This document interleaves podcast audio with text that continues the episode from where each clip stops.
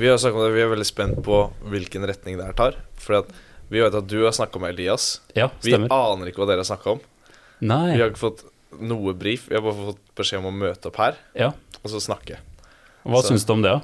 Det er kult. Ja. Det er kult, men uh, spennende. Det er det. Så får vi se hvilken retning det tar. Men vi har jo juksa litt, da, for vi har hørt på noen av podkastene tidligere. Ja, så bra. Så jeg har skjønt at det er mye utstyr det, utstyr det går i. Utstyr er Her kult. Her kan man ja. geeke ut på alt av utstyr. Ja. Vi spilte inn den giga-nerdy episoden i forrige uke. Som handla om eh, fyllmateriale i klær og soveposer. Ja. Ok. Og, ja, og det, det blei så nerdy og så bra. Ja. Jeg er kjempefornøyd. Det er for spesielt interesserte å gå ned i atomnivå på produktene. Ja. Kunne du tatt mikrofonen litt nærmere? Ja. For jeg kjenner Jeg hører at den fader litt sånn inn og ut. Nå er det bra? Ja, nå høres Ja. det bra ut. Nå har vi den der. Fett. Men uh, hjertelig velkommen eh, hit uh, til oss, da. Tusen takk. Takk. Uh, og ikke minst gratulerer med film. Jeg har jo vært så heldig å få lov til å se Glacier Lines. Takk for det. Hvordan føles det? Eh, nei, det er jo alltid gøy å lage en film og så få lov til å vise den fram til andre. Og så er det ekstra gøy når vi får mye hyggelige tilbakemeldinger, da. Så vi har jo jobba ett år med denne filmen og blitt ganske fornøyd selv. Så ja, gøy å vise den fram til andre. Det er jo andre filmen vi viser på storskjerm, og feedbacken har jo vært enda bedre, og vi føler også sjøl at vi har fått gjort en enda bedre jobb på den filmen her. Og vi ser jo nå blir den tatt med ut av landet i enda større perspektiv. Så det, det er dritkult. Det er det. For eh, kall det forskjellen på de to filmene er vel den budsjettbiten, hvis jeg forsto det riktig? Ja, eller litt. Første filmen vi lagde var jo egentlig Da hadde vi ikke en plan om å lage en film. Det var mer at vi begynte å Vi hadde en kompis som var glad i filmer, og så begynte vi å få masse klipp sammen. Og så etter hvert så skjønte vi ja, men vi kan jo klippe alt sammen sammen og så lage en film ut av det. Men det var på en måte aldri noe rød tråd der. Det var bare, bare masse skikjøring og fra masse forskjellige steder. Og så, når vi da ble ferdig med den filmen, som da var for to år siden Eller ett et år siden blir det. Så, så lærte vi jo veldig mye. Vi var jo fornøyd med filmen, men det var jo veldig mye elementer den mangla. Og da var det litt mer sånn OK, hvis vi skal gjøre et nytt filmprosjekt, så må vi gjøre det litt mer ordentlig. Vi må ha en mer plan om, om hvordan filmen skal se ut. Og så prøve å holde en rød tråd gjennom det, da. Så Ja. det var jo det vi gjorde dette året. Og så fikk vi også støtte fra sponsorer, og da gjør det jo mye lettere at man kan sette av mer tid, man kan bruke mer penger på både redigering og på musikk og på utstyr og alt sammen, da. Så pengebiten, den, den hjelper. Mulig det er litt sånn vanskelig spørsmål, men uh, hvordan kan man se i en øh, skifilm at det er lavbudsjett kontra merbudsjett? Det er bare å se på Friflyt Filmtour, så ser du vår film, og så ser du The Blonde sin film rett etterpå. Er, nå har jo vi, vi har høyere budsjett enn andre, men fortsatt Den filmen vi har lagd, er jo fortsatt på lavbudsjett når du kobler opp mot mot store amerikanske filmer eller uh, Ja, de Nicolai Schirmer òg har jo mye høyere budsjett, så du ser jo bare på en sånn flere kameravinkler ofte, og mye mer tid er brukt på å lage lyd, skape sånn ekte raw lyd med, med vind, liksom naturlig, naturlige lyder, da. Som ofte egentlig ikke er så naturlig. Det sitter en fyr og jobber timevis på å liksom få alle disse lydene til å høres helt perfekt ut. Aha, ja. Så da, da trenger man mer penger inn i budsjettet for å, for å få gjort det, da. Det går vel mye på hvor mye tid og mye ressurser man kan bruke. Eh, vi har Paul som redigerer, setter sammen lyd og eh, fikser farger og alt det der sånn. Og han har jo bare x antall timer i uka, mens større budsjetter og større filmer har gjerne én som gjør hver ting, altså én person til hver oppgave, og som har spesialisert seg på akkurat det. Så det, det blir jo hakket høyere nivå, det gjør det. Men vi føler at vi har gjort en god jobb, og vi får jo veldig mye gode tilbakemeldinger på det. Så det settes jo stor pris på, og det er utrolig mye kudos til Paul som har eh, klart å klippe det sammen og få det til å bli så bra som det har blitt. Ja, han virker superdyktig. Han er det. Og det er det som er kult med å lage en film nummer to nå, at eh, du lærer mye fra første filmen som du kan ta med deg videre. Og bare med en film vi har laga nå også, så vi har lært enda mer. Og hvis vi skal, eller vi ser på muligheten for å lage ny film nå til vinteren òg, og det, vi har tatt med oss så mye gode erfaringer som eh, vi bare gleder oss til å forbedre neste gang, da. For eh, den første filmen, det er jo Divine Playground. Stemmer. Ja. Eh, og den var jo 45 minutter, og jeg kosa meg så utrolig mye. Og jeg tror nesten jeg kosa meg mer fordi det var lavbudsjett. Mm. Hvis du skjønner hva jeg mener? Altså det var noe eh, litt ekte, litt sånn Ja. nett, nedpå. Men det, ja, det tror jeg du kan se på mange av disse lavbudsjettfilmene, at det blir på en måte Alt sammen blir veldig mye mer ekte.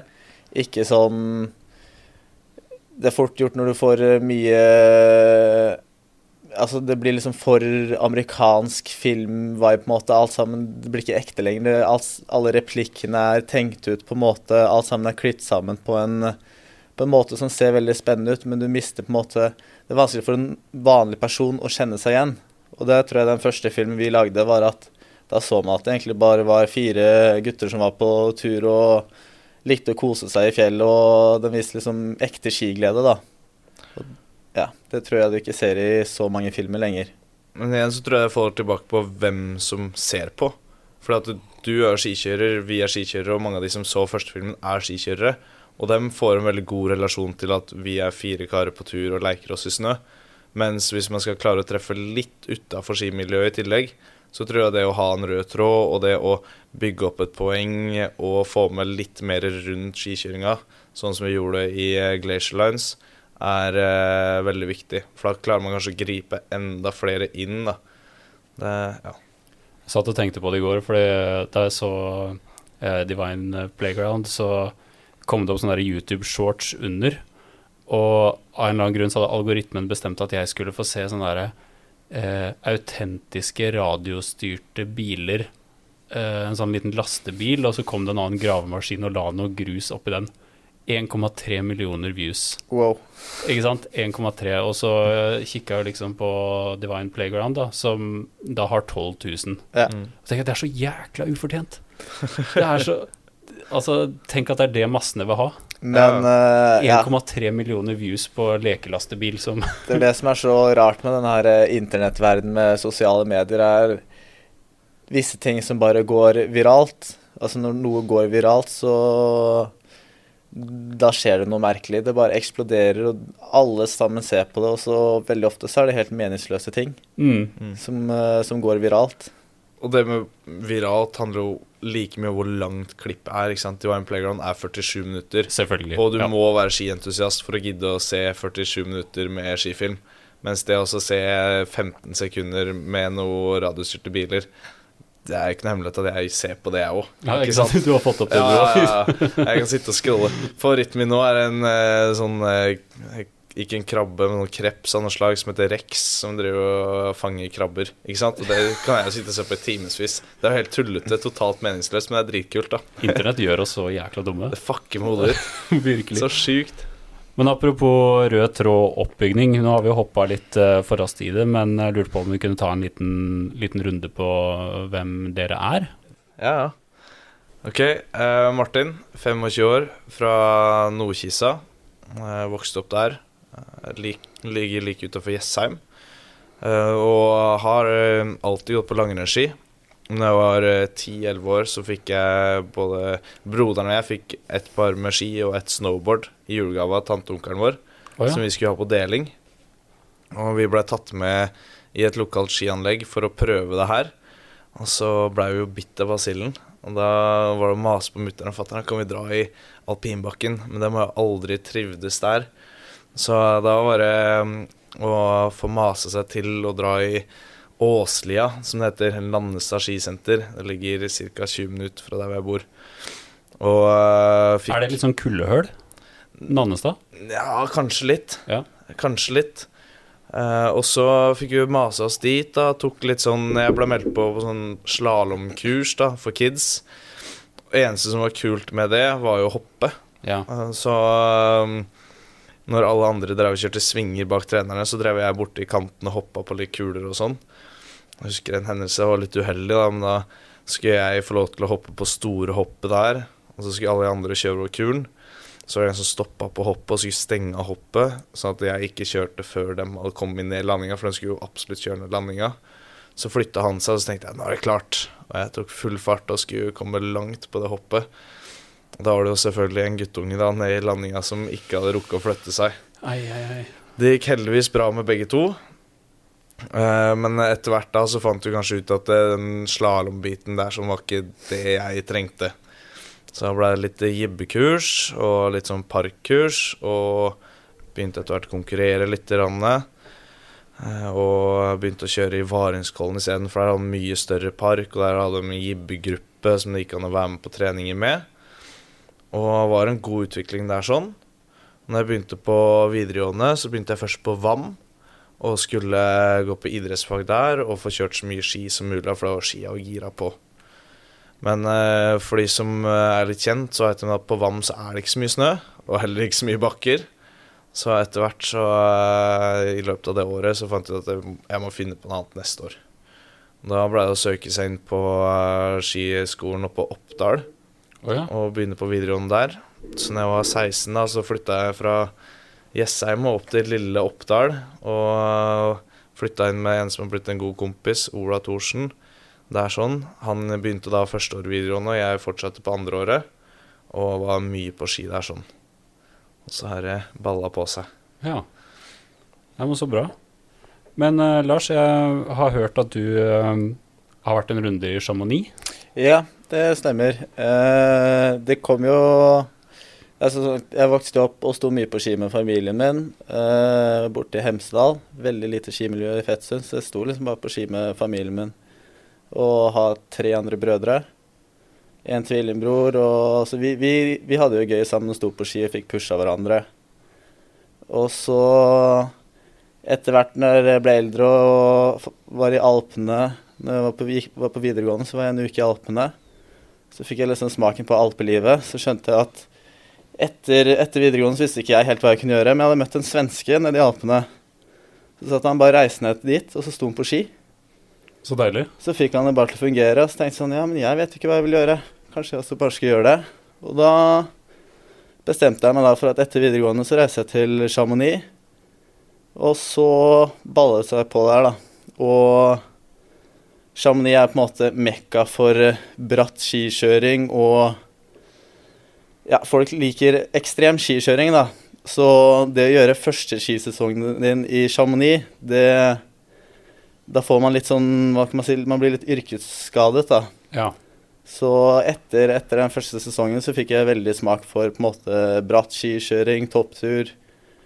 Eh, alt med sånn park og sånt har egentlig aldri vært, vært noe jeg har vært interessert i. Sto bare på offpist da jeg var yngre med familien min, og så når jeg flytta til Chamonix, så var det jo bare mer Ville kjøre disse store, bratte linjene, da. Men var du rett og slett det man kaller sånn skiboms? Ja, jeg jobba hele sommeren og høsten, og så flytta jeg ned dit og hadde fem måneder ferie. Åh, så Da deilig. sto jeg på ski hver dag. Fy søren. Ja, men det, det er litt av en forskjellig bakgrunn dere har. Ja, Mm. det er det. Men uh, føler dere at dere utfyller hverandre på et vis? Eller? Jeg ville sagt at Martin er veldig mye bedre enn meg når det kommer til mye luft og svev, og i hvert fall hvis man skal være litt opp ned. Så det Så er Lars mye bedre enn meg til å kjøre bratt, så jeg vil jo påstå at vi utfyller hverandre der. Ja, så bra. Mm. Nå har vi jo vært mye på tur sammen de siste fire åra her nå, tre-fire åra, mm. og blitt veldig godt kjent. Og det er jo det som er så kult med den gjengen vi er sammen på ski òg, fordi vi kjenner hverandres styrker og svakheter, så vi veit hvor vi kan pushe hverandre, og hvor vi kanskje må holde hverandre igjen. Og vi veit også hvordan vi kommuniserer og tar oss fram i terrenget og tar avgjørelser. Så det skaper en veldig god sikkerhet da når vi er på tur oss imellom. Men eh, jeg har fått eh, høre et rykte om at dere kalles for Team Late. Ja, det stemmer jo også. Det ble bekrefta i morges til og med. Ja. Så den, den må dere nesten utdype litt, lite grann. Uh, ja, nei, det er jo Det er jo det når vi setter en avreise, så har det liksom Hvis vi skal reise klokka sju Jeg pleier å sitte på med venn, han eh, Espen, og han pleier å plukke meg opp. Så jeg veit at hvis vi skal reise sju, så må jeg være klar kvart over sju, kanskje. Og så somler han litt mer, og så skal han plukke opp flere, og så er vi liksom Vi ligger nesten alltid en halvtime til time bak skjema. Ja. Men, Men- i dag var dere jo dødelig presise, da. Eh, ja, det er Vi skulle egentlig være her en halvtime før, tenkte vi. Ja, vi tenkte vi skulle beregne god tid. Uh, Lars har vært tilbake i Sogndal mens jeg har vært ute og reist. Og da kjørte han bilen min over. Og så var han hjemme hos foreldra sine natt til i dag. Og så skulle han komme og hente meg hjemme. Og da eh, sa vi at ok, men hent meg en halvtime Dette er to timer kjør fra meg og hit. Så hent meg en halvtime før det, så har vi en halvtimes margin. Og eh, klokka blei eh, halv ti, og tida gikk, og jeg var sånn, ja fader, eller nå må jeg snart ringe. Og så ringte Lars, altså. Ja, nei, jeg våkna, og så hadde jeg glemt at det var trafikk om morgenen. Når jeg sjekka um, tida på veien i går kveld, så hadde jeg jo god tid. Eh, så jeg er straks i nærheten, da. Så heldigvis så var fatter'n hjemme, så han kunne kjøre meg og møte Lars. Så vi møttes liksom litt ned i veien. Så jeg kunne bytte bil og så hive oss av gårde hit, da. Så det er litt gjenganger. Men jeg er jo kanskje den som er mest presis av oss. Ja, det vil jeg Og det har jo skjedd at jeg har Vi har snakka om ok, avreise klokka sju. Og da kan jeg komme til noen klokka sju, og så finner jeg dem i senga. Ja, jeg skjønner. Og jeg finner jeg kommer til tomme soverom, og da er det en eller annen som har sovet over hos dama isteden, og våkna der litt for seint og bare shit, ja, nå skulle vi vært klare, ja. Så det hender jo at det, vi er litt seint ute, men allikevel så klarer vi ofte å komme først opp. det, Selv om vi er seint ute, så tar vi igjen den tiden vi taper, den tar vi igjen på vei opp til fjellet. Ja. Så sånn sett så er det egentlig bare en veldig god sånn treningsstrategi, da. Vi er fortsatt på toppen av linja til, eh, til da vi ønsker. Vi må bare gå litt raskere på vei opp. Ja, jeg skjønner. Um, men jeg lurte litt på hvordan eh, Hva driver dere med til daglig? Jeg Akkurat nå så jobber jeg med jeg bygger stier, sykkelstier, oh, ja. for eh, Resje, som er et firma som er basert i Sogndal. Så vi reiser rundt og bygger sykkelstier og pump tracks. Men uh, de tre tidligere årene så har jeg studert i Sogndal, så jeg har akkurat fullført en eh, bachelor i geologi. Gratulerer. Takk for det. Så akkurat nå så er det egentlig bare å prøve å samle opp litt penger til vinteren igjen, da, og så stå på ski. Nice. Jeg ble ferdig med en eh, bachelor for et par år sia, så etter det så har jeg balansert tre jobber om sommeren. Wow. Hvor jeg er vaktmester i en 100 %-stilling, og så er jeg bartender eh, ca. 20% og så er jeg eh, avløser x prosent. Eh, varierer litt fra uke til uke, men det er jo opp mot 50 det òg, da, så du kan jo gjøre huregninga. Men eh, det blir mye jobb, eh, og nå eh, fra 1. oktober så er jeg ferdig i vaktmesterjobben, så nå begynner jeg faktisk i ny jobb på mandag igjen. Det blir spennende. Jeg gleder meg til det. Jeg skal begynne å jobbe på lager, så det er kult å se åssen lageret her fungerer. Ja, stilig, stilig. Mm. Uh, apropos sånn ehm, eh, pump tracks eh, og liksom sånn sykkelløyper og sånn. Jeg er helt hekta Mm. på den YouTube-kanalen til han derre Markus Finnholt. Har du sett han? Jeg har ikke vært inne på YouTube-kanalen hans. Det har jeg ikke. Jeg har sett noe av det, og ehm, jeg har prata en del med han, for han er veldig gira på å komme til Sogndal. For jeg nå Jeg driver ikke og bygger profesjonelt. Det tar jeg ikke på meg ansvaret for. Men eh, en god kompis, Andreas Wold, og jeg driver og bygger sykkelløyper i Sogndal. Ja. Og vi har fått lov av grunneier. Viktig å påpeke. Det er litt sånn hårsårt tema i Sogndal. Mm, så han er veldig gira på å komme og filme i den løypa, da. Eh, så vi har hatt litt kontakt om det, men vi har ikke klart å få rota oss til det. Vanvittig bra kvalitet på de videoene der. Ja, Uh... Han er flink. Han har stått på Han har jobba beinhardt det siste året for å få det til. Og da. Nå kommer han vel snart med film òg. Og gjør det. Jeg er ganske Ja. sikker på det. Stilig. Mm. Nei, Jeg setter veldig pris på Og det er også sånn utrolig behagelig for hjernen å sitte og se på sånn GoPro-materiale fra, fra sånn stisykling. da. Eh, men jo, tilbake til Glacier Lines. Hvordan starta liksom den der fascinasjonen for bre? Skal du ta den der Mm. gode regla du har oppå scenen? Nei, den, den har mange, mange nok hørt. Nei, men det var vel uh, egentlig sånn ganske Det blir litt samme greie. Litt, uh, litt tilfeldig hvordan vi endte opp på bre. Vi skulle inn og kjøre, stå på ski, og så hadde vi sett for oss noen kule renner som lå inne i en dal. Og så når vi kom opp uh, der, så så vi at uh, der var det allerede noen foran oss som drev og buta opp disse rennene. Og i de andre rennene så var det allerede spor. Ja. Og vi er jo litt kresne, så vi, vi vil jo bare ha førstesporet, på en måte. Så, så var liksom alt, alt var oppkjørt der, men i enden av den dalen så var det en bre. Så vi traska jo liksom bort, endte opp på den breen, og der var det jo kjempefint lys. Og så gikk vi så langt opp på den breen som vi følte det var sånn fornuftig. Vi hadde ikke med så mye utstyr da, så Men vi kom liksom såpass nærme på breen og så alle disse mulighetene den breskikjøring kan gi deg, da. Og veldig god snø var det òg, så da var det sånn når vi kom hjem fra den turen, så tror jeg alle sammen var litt sånn wow, vi må tilbake hit. Og vi må, vi må komme forberedt, så vi kan virkelig gjøre det beste ut av det. da. Og da, da kom ideen Glacier Line etter hvert, da. Så har det jo også, også sånn at vi bor jo i Sogndal, som ligger rett ved siden av Jostedalsbreen, som er Europas største bre på fastlandet. Og etter at vi har vært Eh, jeg har vært sånn fire år i Sogndal og utforska sånn å si alle dalene der, men breen hadde jeg liksom aldri utforska. Og den, det er jo såpass stor del av området at det var liksom bare naturlig at på et eller annet visst tidspunkt så måtte vi bare begynne å utforske der òg. Og der er det jo linjer for en evighet. Absolutt. Men stemmer det at det er litt uvanlig i Norge? Ja, altså Folk har jo alltid gått over breer og fjellski Ja. på bre og sånt, men akkurat det vi gjorde, var å Vi har lyst på Vi er jo glad i, i bratt skikjøring òg, så vi kjører ned disse brefallene. Og det tror jeg ikke er like normalt. Eh, brefaller hvor du har du har istårn som stikker opp, du har sprekker du må forholde deg til. Du har uh, veldig mye mer ting som kan gå galt, som man må passe på.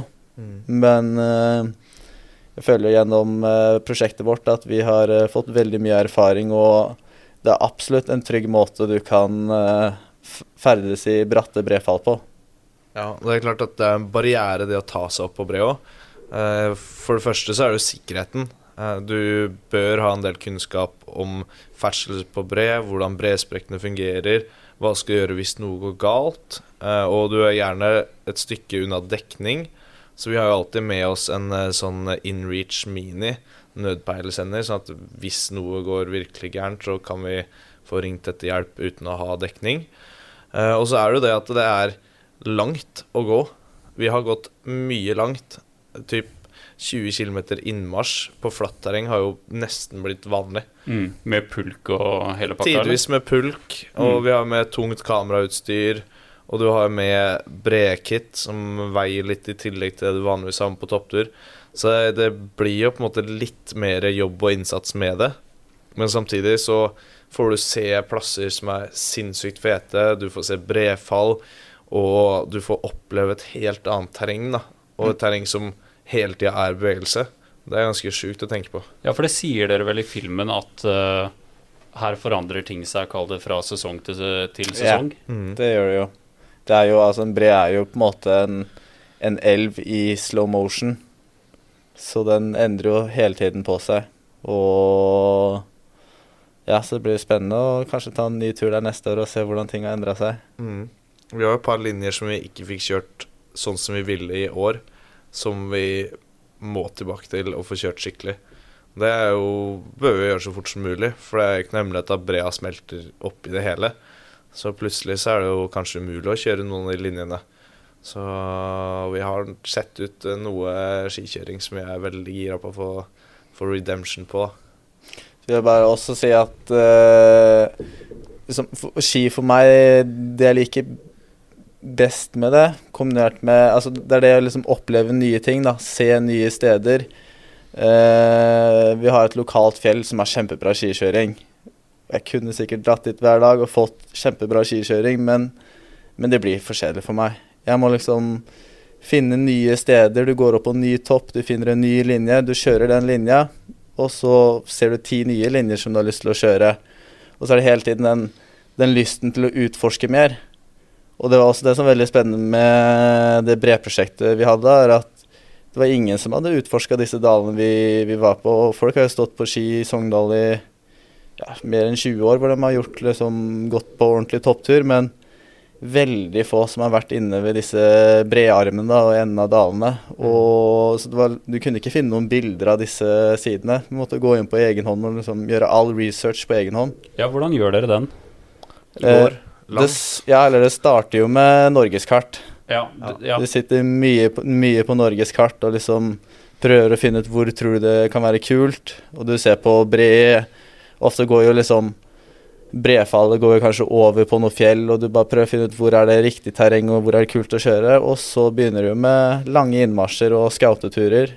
Og så Ja, en scoutetur, så ser du litt mer hva muligheten er, og så Ofte hvis det er litt sånn dårlig vær, så kunne man gå inn og Eller dårlige skiforhold, så kunne du bare bruke den dagen på å gå inn og se hvordan det var.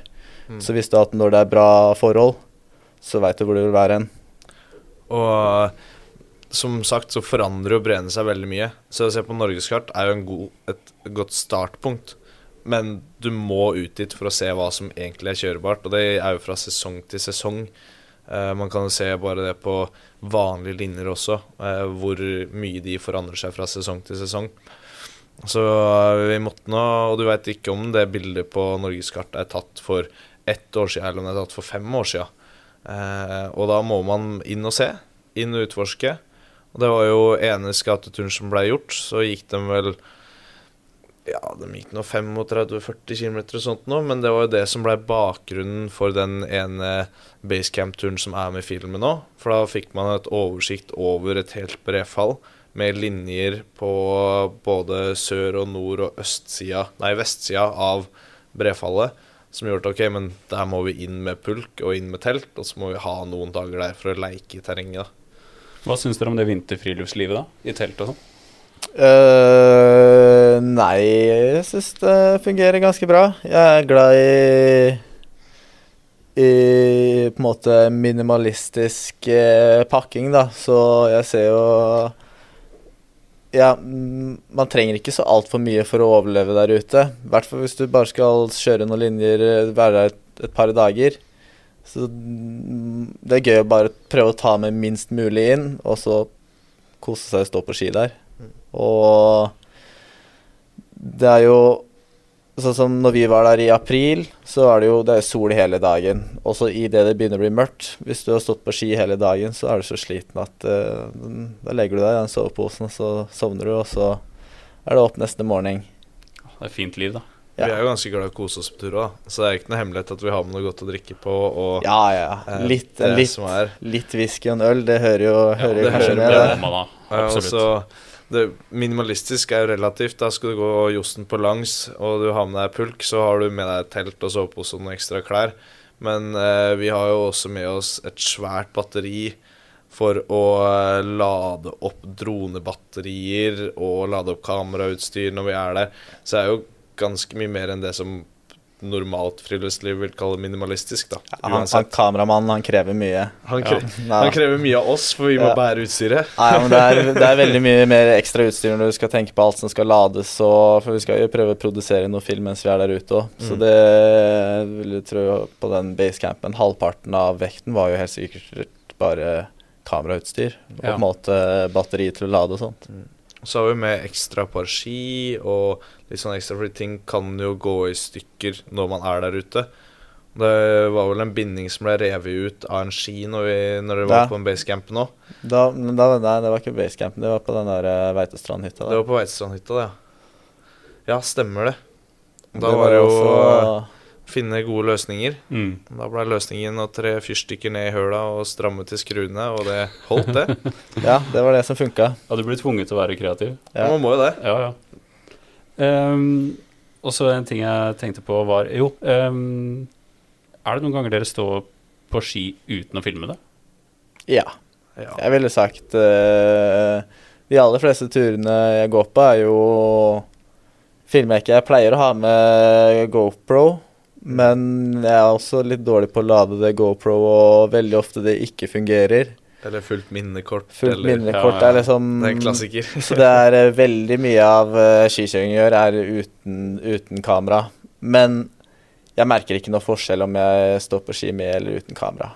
Nei, for det er Jeg ikke sånn at du føler et press om at hvis det her blir gull, liksom, så har jeg ikke filma det. Jeg, jeg står på en måte alltid på ski for meg selv, Ja. og så om jeg pleier å tulle litt med det.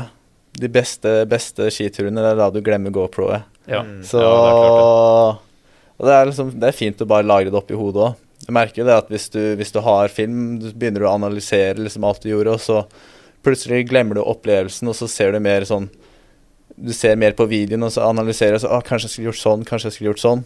Men eh, det er befriende å, å kjøre uten, eller bare ikke se på deg selv kjøre, på en måte. Mm. Men si at dere har med kameramann og hele pakka, liksom. Eh, er, det, er det sånn at dere strekker dere 5% lenger fordi dere veit at dette er materiale til en film? Eller er, det, er dere beinharde på det, liksom? Heller snarere tvert imot. Altså, vi har jo mellom 100 og 150 skidager i året, så vi må være relativt konservative når vi er på ski. Det er Vi prøver å planlegge filmdagene etter når du føler deg bra i kroppen, når du er bra føre, sånn at du kan gi litt ekstra gass da. Men man, vi prøver å hele tida holde innafor en sikkerhetssone. Det har vært enda viktigere i år når du igjen er langt unna hjelp, eh, og du har ikke dekning og det er, liksom, det er så mye å tenke på, da. At vi må prøve å holde det så trygt som mulig. Eh, Det er jo det som går igjen, da. tror jeg det også hjelper litt at eh, vi begynte jo så på ski sammen med på en måte gjengen. Han ene fyren hadde alltid med drone, så det at det er en drone oppe i lufta, er ikke noe, noe jeg egentlig tenker noe særlig på. Jeg har blitt så vant med det. Mm. Så Men en annen fordel med, med drone og flere folk som filmer, er jo at det egentlig blir tryggere. Ja, Da har du liksom flere støttespillere som ser hva som skjer, og kan komme og hjelpe til hvis det er noe gærent som skjer, da. Så på den måten så kanskje man liksom tillater seg selv at At uh, du har liksom mer støtte, så du kan Det er ikke så farlig hvis noe går gærent. Mm. Men uh, Nei, jeg føler ikke jeg endrer så mye på min skikjøring om det er film eller ikke. Og ikke minst det å bruke drona for å finne fram. Det når vi har vært oppe på isbreen, så går de mellom tre, fire, fem meter høye isvegger, og så skal du prøve å finne den linja du har sett på avstanden fra ute i dalen. Da er det ganske behagelig å fly opp ei drone, og så får jeg kamera som peker imot, og så veit jeg at ok, da skal vi gå dit og dit. For det er jo som en labyrint til tider oppå der. Og det er så svært at du klarer ikke å huske nøyaktig hvilken snøflekk du står på. Og når du setter på avstand og har et bilde på telefonen, så klarer ikke alltid å bedømme om en snøflekk er 20 eller 100 meter lang. Nei, selvfølgelig. Så det også har hjulpet oss veldig mye, da. Og vi har brukt det veldig mye for å finne fram til linjene våre. Det har vi. Er det ikke litt kjipt at kamera liksom veldig sjeldent greier å fange og vise hvor bratt ting er? Eh, jo. Det er jo på en måte det. Eh, I hvert fall sånn GoPro, vanlig GoPro-vinkel. Ting ser jo veldig mye mindre bratt ut. Men for meg, jeg veit hvor bratt det er. Så hvis jeg ser andre folk som kjører noe på GoPro, så veit jeg hvor bratt det er. Det, det jeg syns er merkelig, er den maksen, da. Ma GoPro Max. Ja. Der kan man få ting til å se brattere ut enn sånn det er. Det, Å, ja. det syns jeg er veldig, veldig rart å gjøre. Oh, ja, så, ja. Så når folk liksom tviker det feil vei Det går fint at du filmer noe, så ser det mindre bratt ut, men når du filmer noe og det ser brattere ut, da syns jeg det blir litt feil. Ja. Det er gjerne mange linjer vi kjenner til fra før eller har sett på, og så veit du at ja, den er så og så bratt, og så får man et klipp hvor det ser slakere eller brattere ut, så du klarer ofte å gjennomskue det med et litt trent øye, da.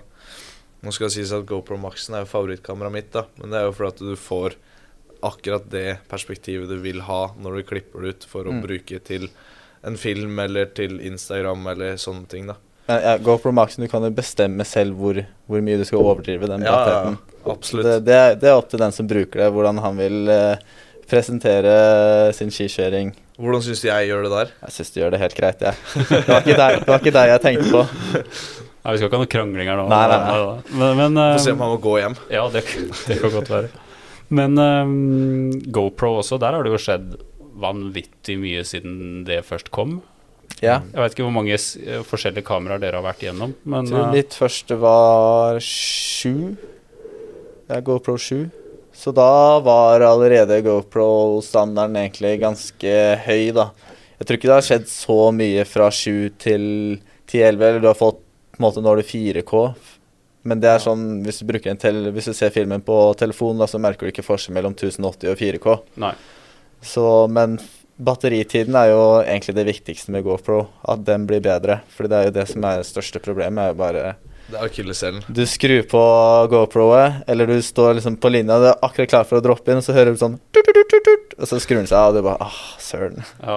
Gjerne psyka litt opp, da. Det er jo helt klart en akilleshæl eh, på GoPro-ene at eh, batteriet ikke er så glad i kulda.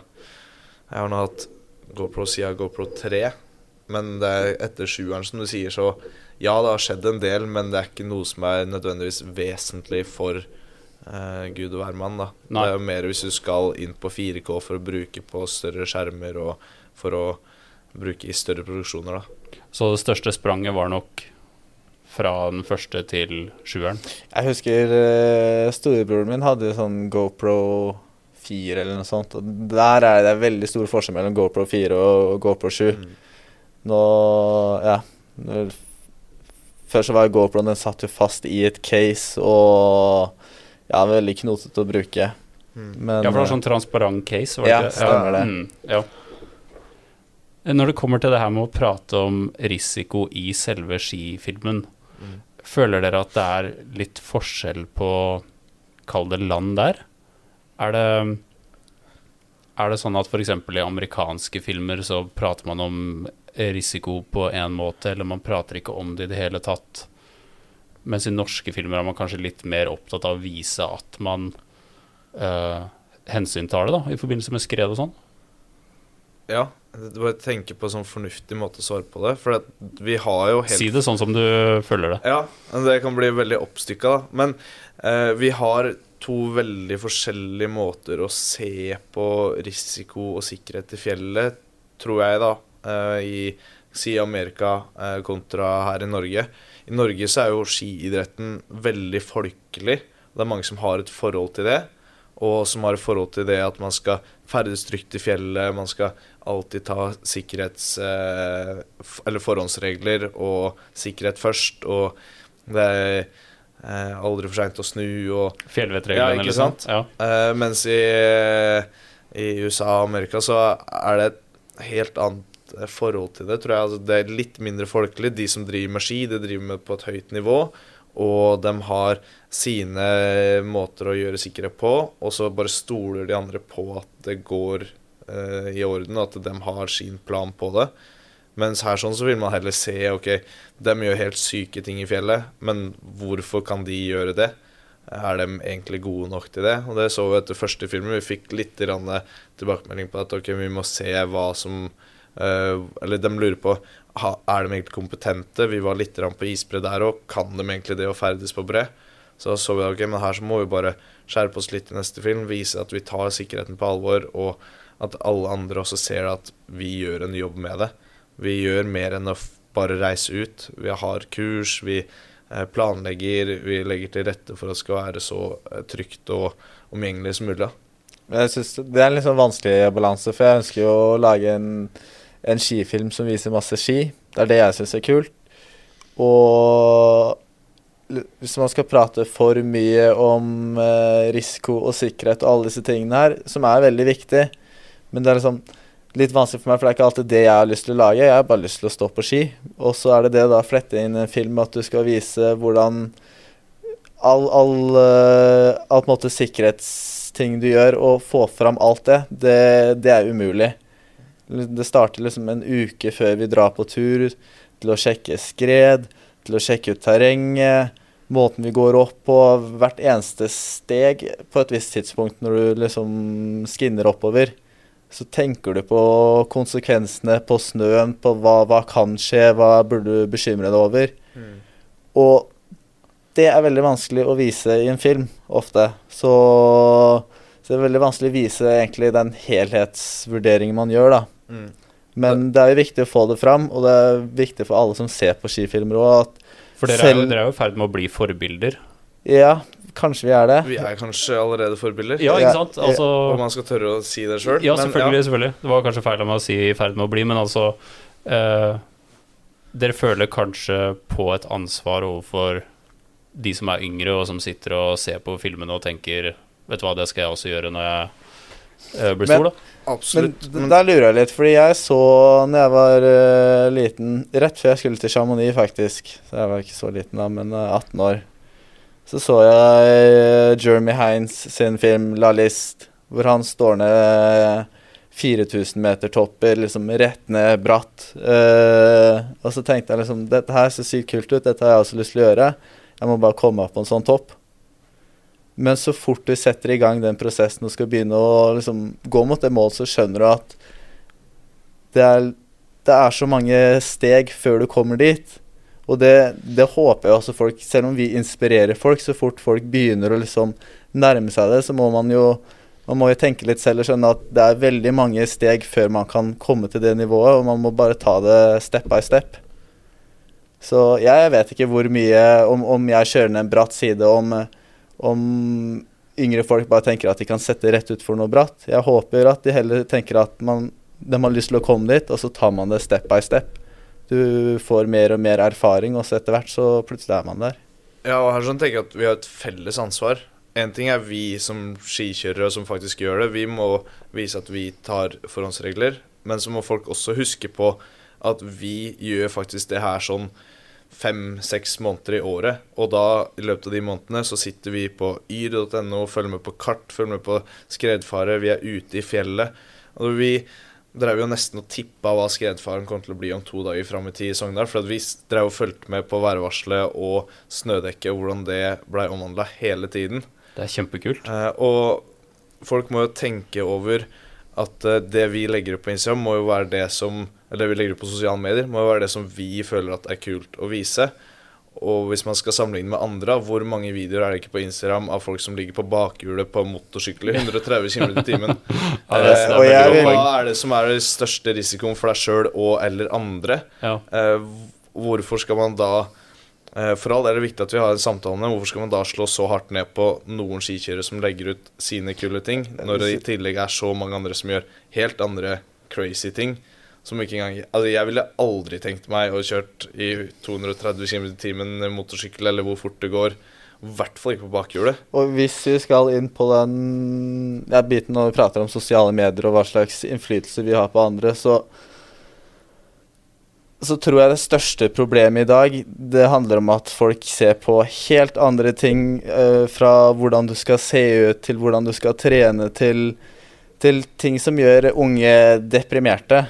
Mens det vi holder på med, det viser i hvert fall at du kan komme deg ut i, i naturen og oppleve den. Og jeg tror liksom Jeg tror det er flere som sliter av uh, Altså, jeg tror ikke skiindustrien er de dårlige fir- forbildene på sosiale medier. Der tror jeg det er en annen bransje som er ti ganger så mye verre. Absolutt.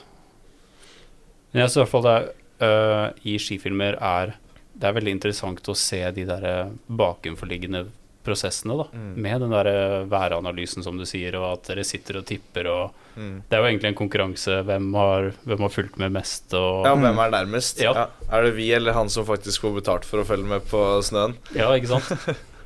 Jeg har en eh, kollega her som er eh, veldig dyktig på, veldig dyktig på snøskred. Han har vært med i flere episoder. Han heter eh, Oskar.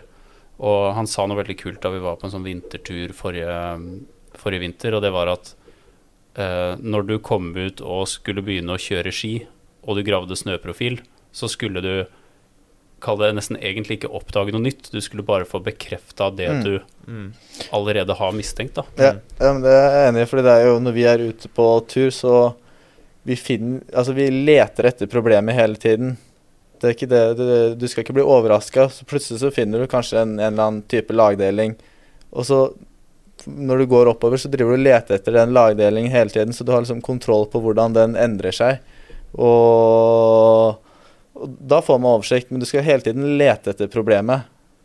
Og så Ja, hvis du står på toppen og ennå ikke har funnet problem, eller problemet er ikke så, så farlig at, at det er store konsekvenser, så, så kan man kjøre. Jeg syns det er veldig interessant å høre på.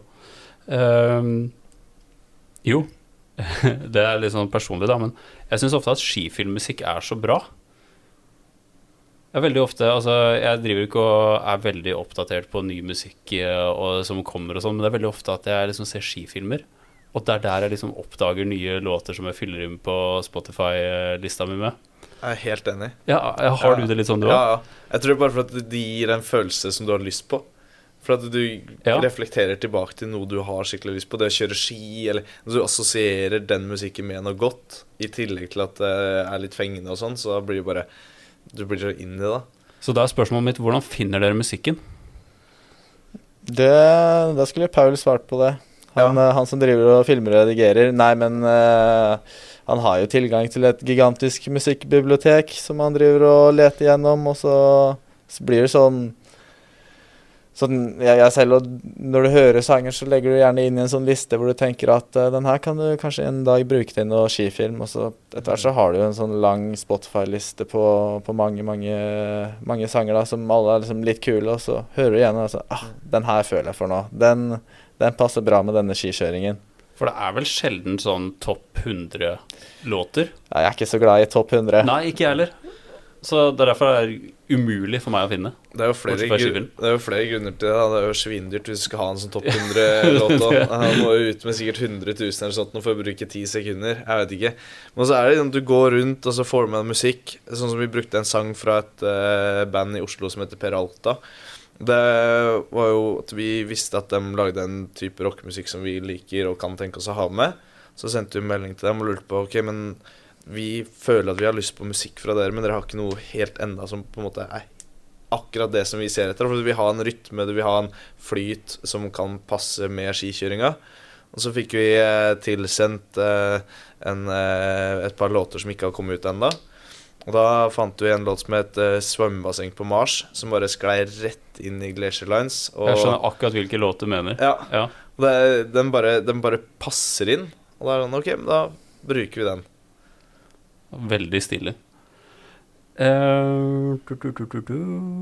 Nå må jeg bare tenke om det er noe jeg har Jeg føler egentlig at eh, jeg er litt eh, rundt nå. jeg. Har, vi har egentlig fått prata om alle punktene som jeg har skrevet ned. Ja. Det er ikke dårlig. Det er ja. mange spørsmål jeg ikke har trengt å stille, fordi dere har bare gått automatisk inn på det. Ja, det er helt supert. Det blir god flyt, da. Jeg tror det blir god flyt. Jeg tror det blir veldig god flyt. Hva er neste prosjekt nå, da? Uh, det blir jo nytt uh, skifilmprosjekt. Uh, som sagt, det forrige prosjektet er veldig kult, men jeg er litt ferdig med Bre. Ja. Eller jeg er litt ferdig med disse sykt lange innmarsjene, så nå tror jeg neste filmprosjekt det, det blir litt mer storfjellskjøring. Så jeg og Martin driver og, driver og planlegger noe der. Mm. Og det, vi kommer til å touche innom bre der òg, Ja, men uh, ikke i samme grad som det vi har gjort nå. Uh, og det blir uh, en del brattere, litt mer eksponert, og så blir det litt mer fokus på hver linje istedenfor uh, hver del av breen, eller ja, området, da. Norge, eller? Norge. Yeah. Eh, Sogn. Oi, Mm. stilig. Så vi holder oss lokalt. Vi tør ikke å dra for langt unna. Dere er jo de ambassadørene, da. For Ja, Sogn, ja. ja. Ja. Fy søren. Så nå har vi snart dekt hele området her, tror jeg. Det, vi har vært en del i området vi har lyst til å filme i nå og før. Så liker å tro at vi begynner å bli godt kjent der òg. Så er bare å gi gass. Håper at det blir mye god snø og stabile forhold. Blir det noe nordover etter hvert, eller?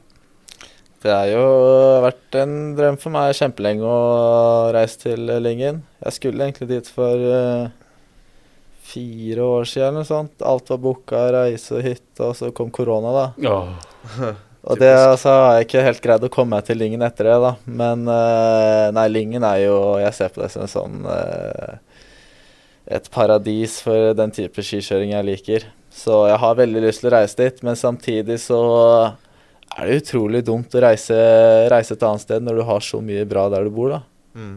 Så jeg føler liksom jeg må, jeg må gjøre meg litt ferdig med, med Sogndal før jeg kan eh, reise videre. Og spørsmålet er når blir man ferdig med Sogndal, da? Ja, Vi har fortsatt en del igjen, i hvert fall. dere finner jo sikkert noe helt nye twister, og så, Ja. så blir dere værende. Det har vært sjukt fett å fått noen førstenedkjøringer den sesongen her òg. Det hadde Alltid, alltid Hver eneste tur du drar på til et nytt område, så kjører du den ene linja, så ser du bare ti nye linjer, og så tenker du her må jeg tilbake. mm. Så det er bare å følge med på været og følge med på skredvarslinga og krysse fingra for at det ordner seg i år òg. Ja, jeg har troa. Du har det? Ja, absolutt. Takk. Ja, det snør allerede nå på Sognefjellet, så Det sant, det. det kan bli en god vinter. Jeg kjørte nesten pudder i helga. Var oppe i eh, Ruka i Nord-Finland og på et event der, og da kom det ti centimeter med snø. Så jeg fikk et par failshots. Så jeg har tjuvstarta litt. Hva gjorde du der oppe? Jeg var på et eh, event med Hagløfs, noe som heter Arctic Weekend. Å ja, ja. Mm. Så mest park, da, det er det Ruka er kjent for. Det er klart Når det er 100 høydemeter, så er det ikke så mye å hente utafor løypene. Det er et helt sjukt konsept. Det var fire åpne bakker, eh, to stoleiser og en gondol som gikk. eh, Med fjorårssnø som base, som var dosa utover. Det er helt tullete svært opplegg. ja. Midt i oktober, eh, eller starten, starten av, starten av oktober Vi har jo begynt på oktober. Ja, det det er det. et godt poeng. Det er, det er ganske ekstremt. Og så var det jo kuldegrader, da, så vi får håpe at det holder lenge. Ja, men det høres bra ut. eh. Da tror jeg vi rett og slett er eh, i mål. Mm. Tusen hjertelig takk for at dere kom. Takk for at vi fikk komme. Takk selv.